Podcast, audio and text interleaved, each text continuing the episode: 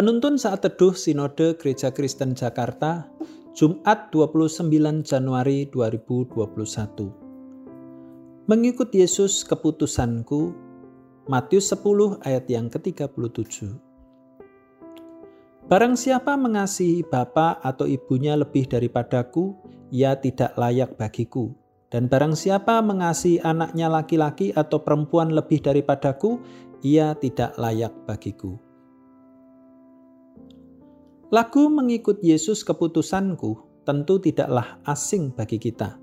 Lirik lagunya terambil dari kata-kata terakhir yang diucapkan oleh seorang laki-laki yang berasal dari Assam, suatu desa di timur laut India.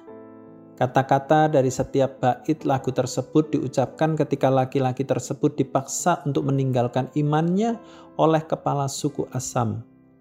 Walau ada ancaman kematian anaknya, istrinya, bahkan dirinya sendiri, ia tidak gentar. Ia mengatakan mengikut Yesus keputusanku. Tetap ia ikut walau sendiri, baginya salib di depan, dunia di belakang.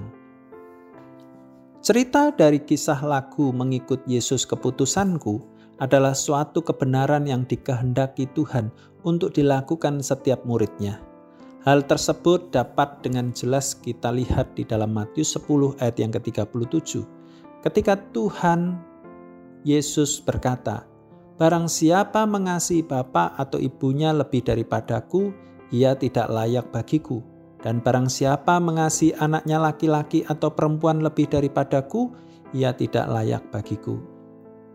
Dengan melihat setiap kata demi kata, kita dapat menemukan pemahaman dari perikop ini bukanlah berarti murid Kristus tidak boleh mengasihi bapak atau ibu, anak-anaknya laki-laki atau perempuan, ataupun anggota keluarga lainnya.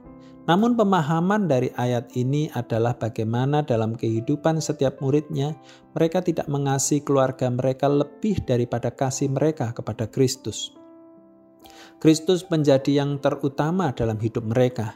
Dengan demikian, Kristus tidak akan ditinggalkan hanya demi anggota keluarga, jika mereka menjadikan Kristus sebagai yang terutama dalam hidupnya, maka mereka akan memperoleh pengertian yang benar bagaimana seharusnya mengasihi, menghormati keluarga mereka.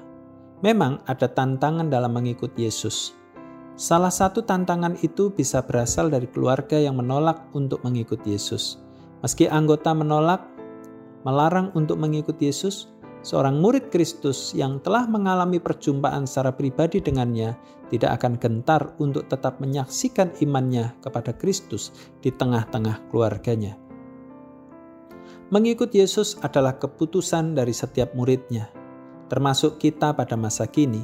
Kita memutuskan untuk mengikutnya bukan didasarkan keluarga, pasangan, sahabat, atau yang lainnya, melainkan karena kita telah mengalami perjumpaan dengan Tuhan secara pribadi Keputusan kita untuk mengikuti Yesus adalah keputusan yang teguh, meski ada berbagai macam tantangan yang kita hadapi. Bisa saja anggota keluarga kita yang belum percaya menolak dan memaksa kita untuk menyangkali iman kita kepada Kristus.